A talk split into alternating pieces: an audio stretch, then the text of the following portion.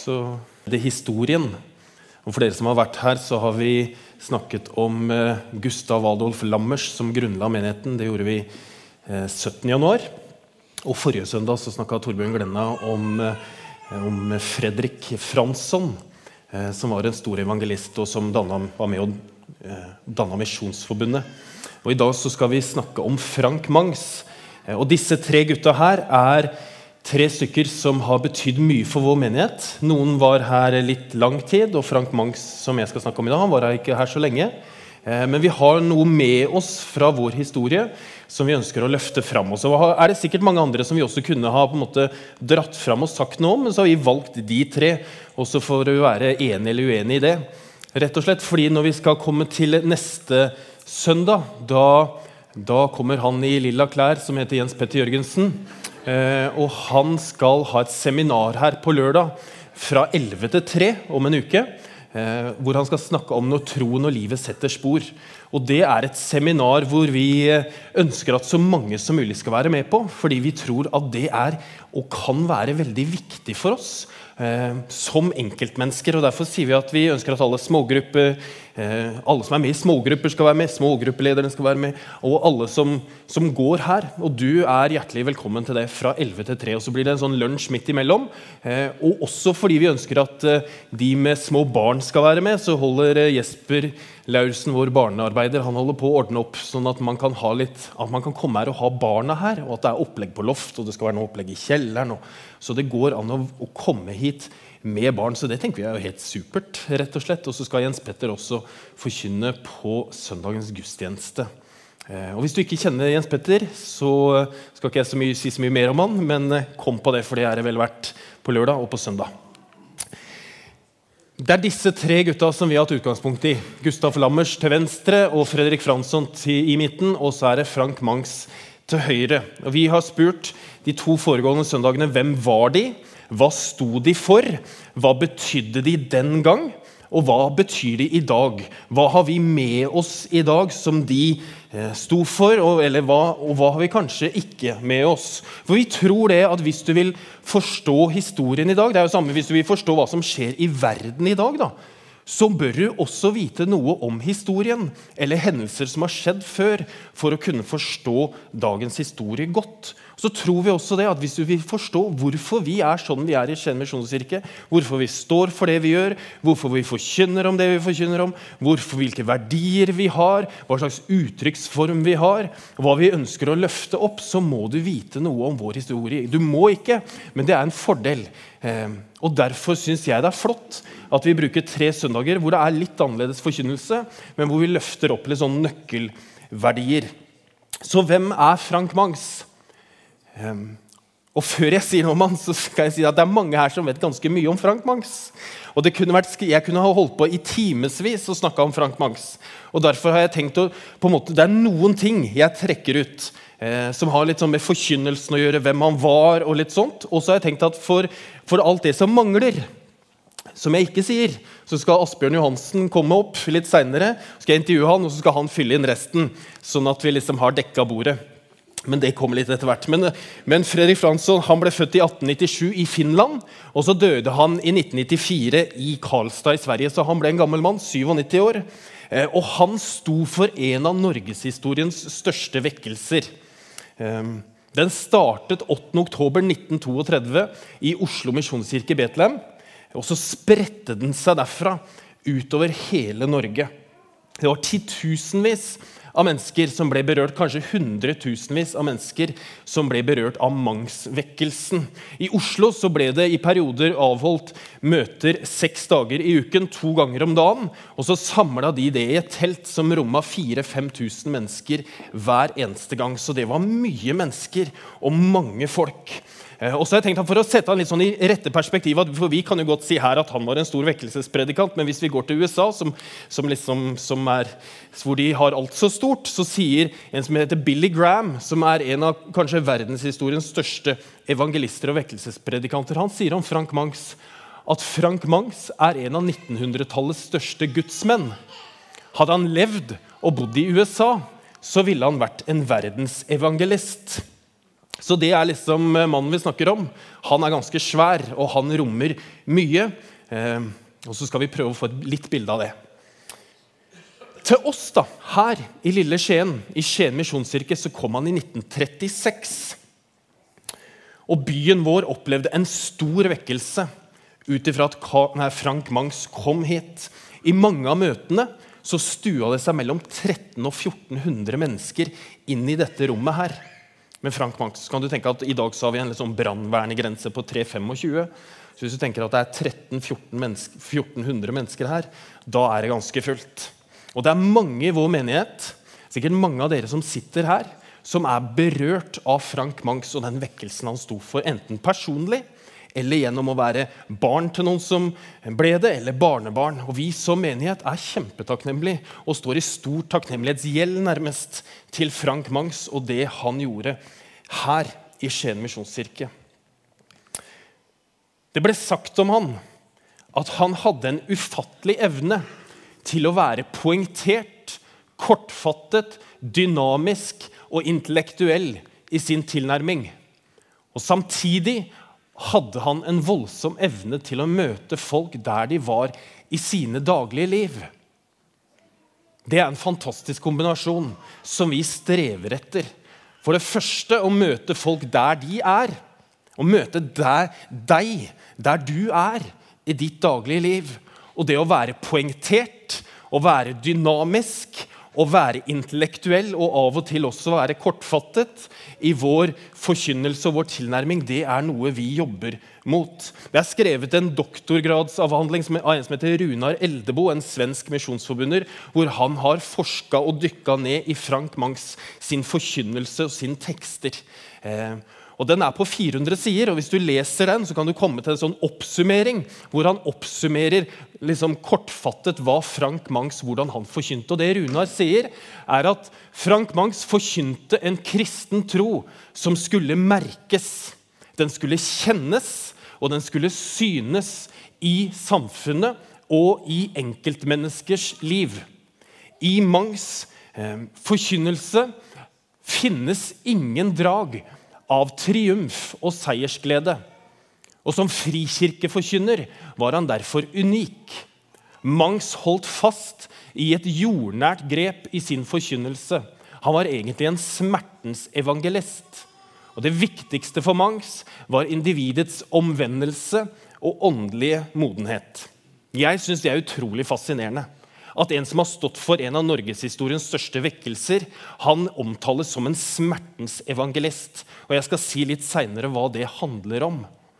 Men han hadde ikke eh, han hadde ingen drag av triumf og seiersglede. Og Når jeg tenker på alle disse frikirkeforkynnerne bak i tid, og man ser liksom mye heiarop og mye, mye ståhei, så er Frank Mangs helt motsatt. Han, han har en jordnær forkynnelse. Mangs han holdt store møteserier i Norge, og Sverige, og Finland og i USA, spesielt i Chicago, hvor han fylte en kirke som heter Moody-kirken til randen. og for dere som har vært der, så, så, de, Dwight L. Moody han er en sånn stor vekkelsespredikant som levde på 1800-tallet i, i, Chicago i USA. Eh, og så har han bygd opp noe som heter Moody Bible Institute, hvor mange eh, norske og og ja, pastorer og prester har blitt utdannet på. Jeg var på, der, jeg var, ikke, ikke, jeg var på besøk der, og det er så svært vet du, at kantina er jo liksom dobbelt så stor som Hercules kjøpesenter. Det er liksom sånn enorme dimensjoner. Og, og, eh, og Frank Mangs han fylte den kirken til Moody. Og hans storhetstid som vekkelsespredikant det var på 30-tallet. Men mot slutten av det tiåret så ble han mer og mer sliten. Og i 1947 så blir han innlagt på et sykehus i New York med et blødende magesår etter en vekkelseskampanje. Og så blir dette en krevende tid for Mangs. For ikke lenge etter så flytter kona ut, og så blir han skilt. Og skilsmissen det er en stor sorg for Mangs. Han føler seg ensom mer enn noensinne så er det noen som sier at, han, at hans forkynnelse etter skilsmissen oppleves enda mer ærlig og livsnær. Det er en som heter Margareta Malmgren, som sier at Frank Mangs har ikke hatt en lett vei å gå. Han kunne ha blitt bitter. I stedet har han ikke bare bevart troen, men i Guds hender har han blitt en profet i vår egen tid. En bærer av en hellig ild, stadig fornyet gjennom stadig på ny, og har overgitt seg til Herren. Jeg har en liten parentes midt her. Fordi Frank Mangs han ble skilt, og han opplevde stor ensomhet. Og Så sier Margareta Malmgren at han kunne lett ha blitt bitter. Men i stedet så har han ikke bare bevart troen, men i Guds hender har han blitt en profet i vår egen tid. Jeg skal avslutte denne talen med å snakke ut ifra det han starta med i Oslo misjonskirke, som er en tekst fra Jeremia 18 eh, om pottemakerens hånd, hvor vi er leire og Gud er pottemaker. Parentesen min er Jeg vet ikke hva slags liv du står i. Jeg vet ikke hva du har opplevd. Av ensomhet eller av skilsmisse, eller kanskje du står midt oppi en. Eller kanskje du bærer med deg sårene enda. Kanskje du har opplevd andre tap. Det vet ikke jeg.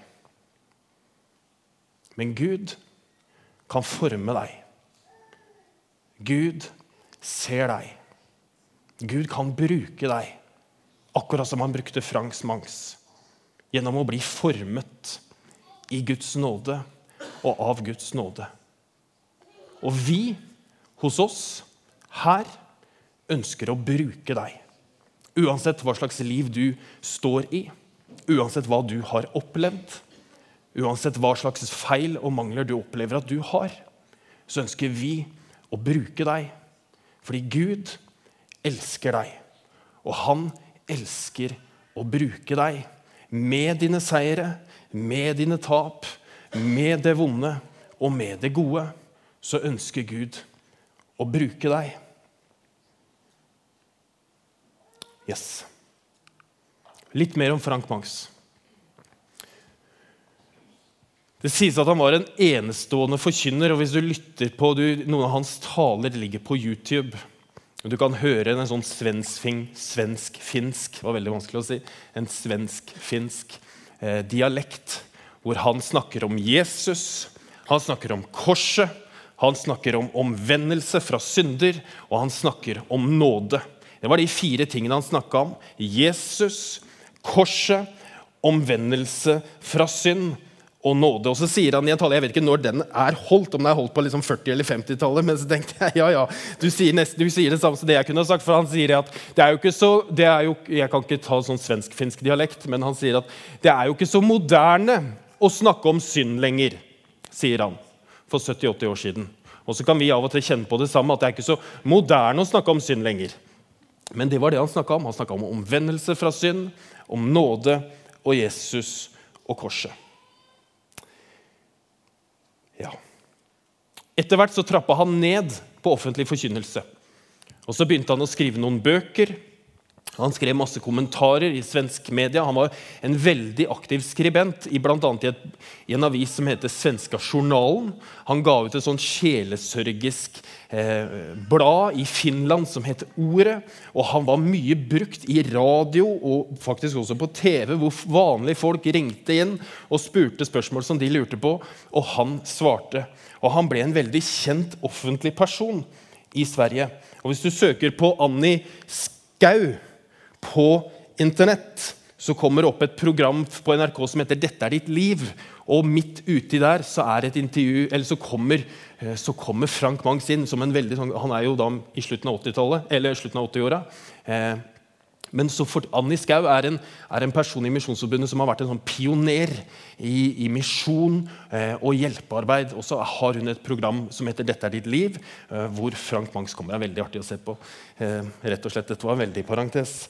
Ehm, men poenget er at hans forkynnelse, det ble livet hans.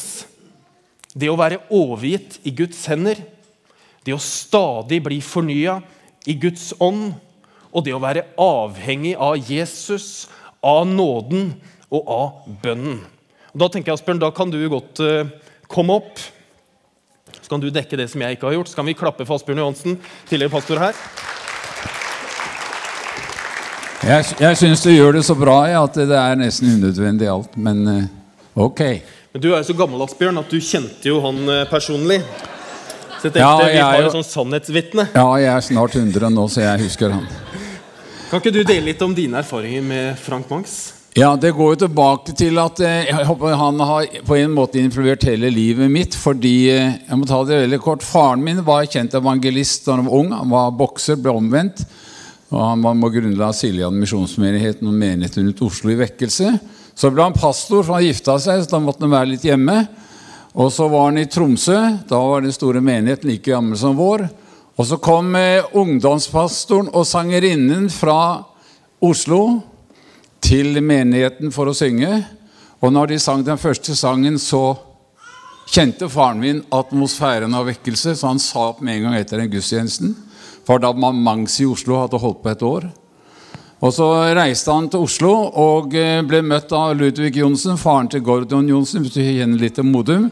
Og så sa Ludvig skal du hotellet, vil du bli med opp i teltet? Ja, opp i teltet, sa han. Det var 5000 mann stelt, men det var tjukt av folk ved utgangen. og der sto faren min. Og så sa Magnus på slutten av talen jeg kjenner at det er noen predikanter her i kveld som behøver å møte Gud. Og det var jo han blant annet. Så han, gikk, han hadde aldri møtt de, aldri møtt hverandre, men faren min bøyde kne, og de ba for han. Og så reiste han til Ålesund med den flammen i sitt hjerte. Og eh, i løpet av den tiden han var, det var 18 000 mennesker i Ålesund.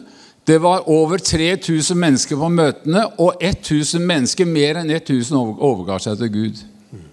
Og Så reiste han til Kristiansund, og der var det 700 som ble frelst på to og en halv måned. Voldsomt hele tida.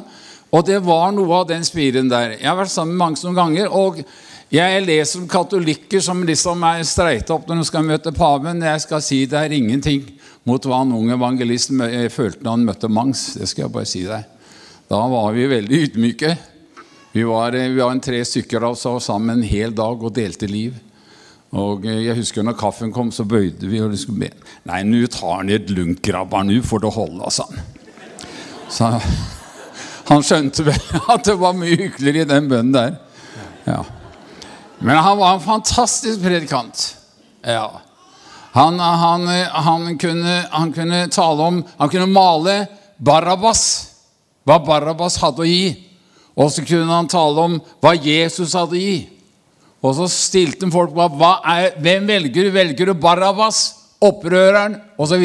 Eller velger du Jesus? som malte? Og de fortalte fra Stavanger at det var forsamling på flere hundre. Alle bøyde kne. Ingen ville ta Barabas.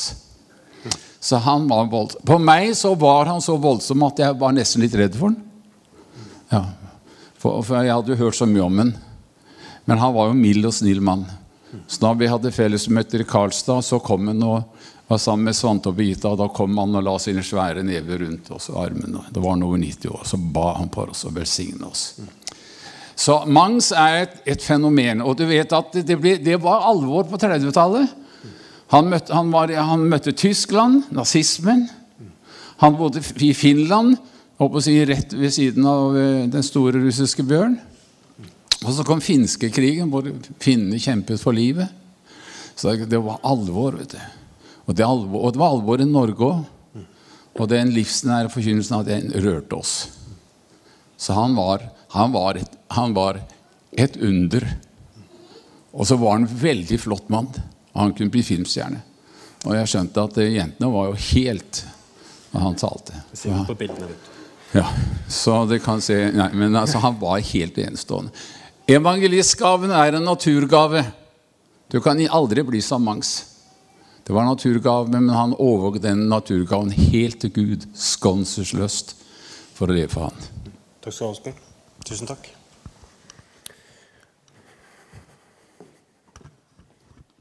Jeg har tenkt å oppsummere litt om eh, Frank Mangs, den kjekke mannen. Og det er det at arven etter Frank Mangs, den lever fremdeles her. Jeg sa noe om det i stad, og det er dette vi jobber mot. Å møte folk i Skien der de er.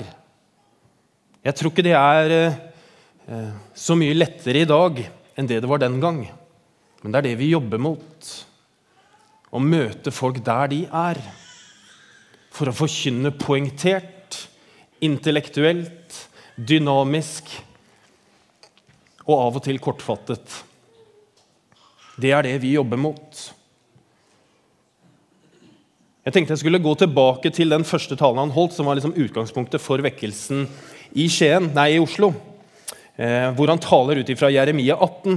Og jeg tenkte at Vi skal lese de eh, på lilla, den teksten, sammen. Eller jeg leser, jeg, og så skal jeg ha noen få punkter til slutt. Eh, for det gjelder å være kortfattet i Frank Mangs ånd i dag. Dette ordet kom til Jeremia fra Herren. Stå opp og gå ned til pottemakerens hus. Der skal jeg la deg få høre mine ord. Så gikk jeg ned til pottemakerens hus. Han sto og arbeidet ved dreieskiven.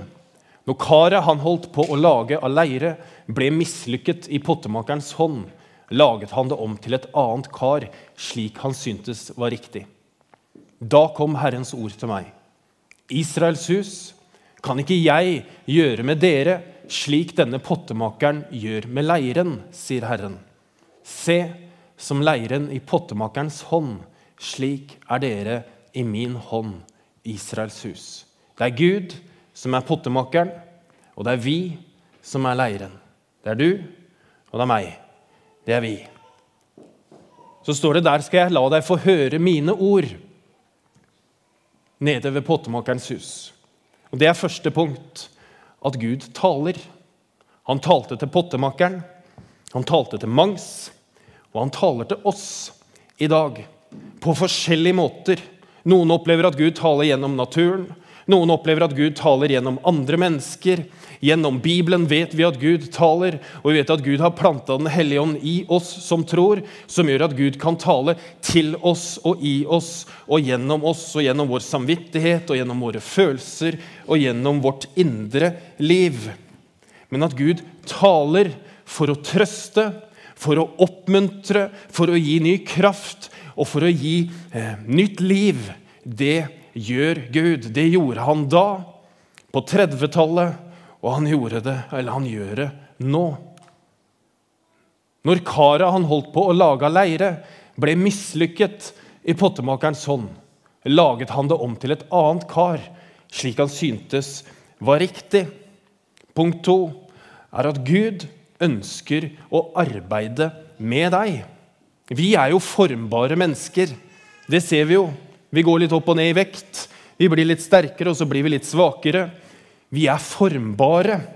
Men det betyr jo ikke det at vi har funnet den riktige formen. Den kan bare finnes dersom vi lar pottemakeren forme oss til den han har tenkt at vi skal være. I Guds hånd og av Guds nåde. Og så er Gud skaperen. Han har jo skapt deg, så han vet jo hvordan du er. Han vet jo feilene dine og manglene dine og styrkene dine og alt. Og så er det sånn at når, når, han former oss, så hender det at vi får litt sånn motstand. At det kommer litt motstand og noen klumper i veien. Men det vet han jo. Og ofte så er jo disse klumpene i veien og motstand er jo det som skal til for at han former oss sånn som han vil. Denne motstanden er en del av prosessen som han bruker når han former oss av leire. Så kan du kalle prosessen for en disippelprosess i forhold til å bli lik Jesus, men det er en prosess hvor han former oss, hvor det er pottemakeren som bestemmer i sitt verksted. Han kan begynne om igjen. Og han gjør det med oss. Se som leiren i pottemakerens hånd. Slik er dere i min hånd, Israels Gud. Hus. Vi er som leire. Vi er ikke kalt til å bli ferdige, men vi er kalt til å formes. Og være i en kontinuerlig forming. Og så har ikke Jesus gitt opp en eneste en av oss uansett hva vi har gjort eller opplevd.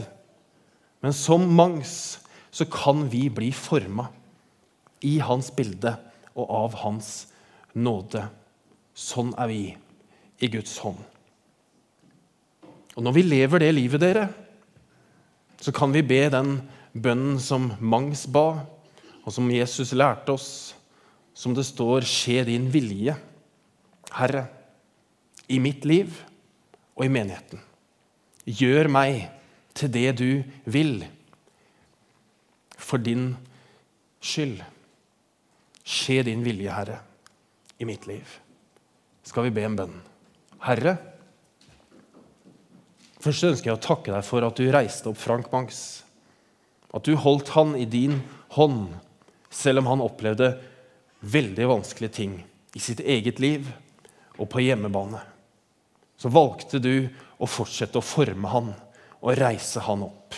Og så kan vi stå her i dag eh, og lære av det og bli inspirert av det og vite at det kallet som du ga Frank Mangs, eh, det er et kall som du også gir til oss, om å bringe ditt ord videre. Om å bringe historien om deg videre. Så er vi mange forskjellige mennesker her nå, Jesus. Og jeg ber om at du skal berøre våre hjerter. At du skal komme og tale til oss. Så vet ikke jeg hvor dette lander, men jeg ber om at du gir oss eh, mot til å vite hva vi skal gjøre med det vi har hørt, og at du gir oss kraft til å gjøre det, Herre. Det ber jeg om i Jesu navn. Amen.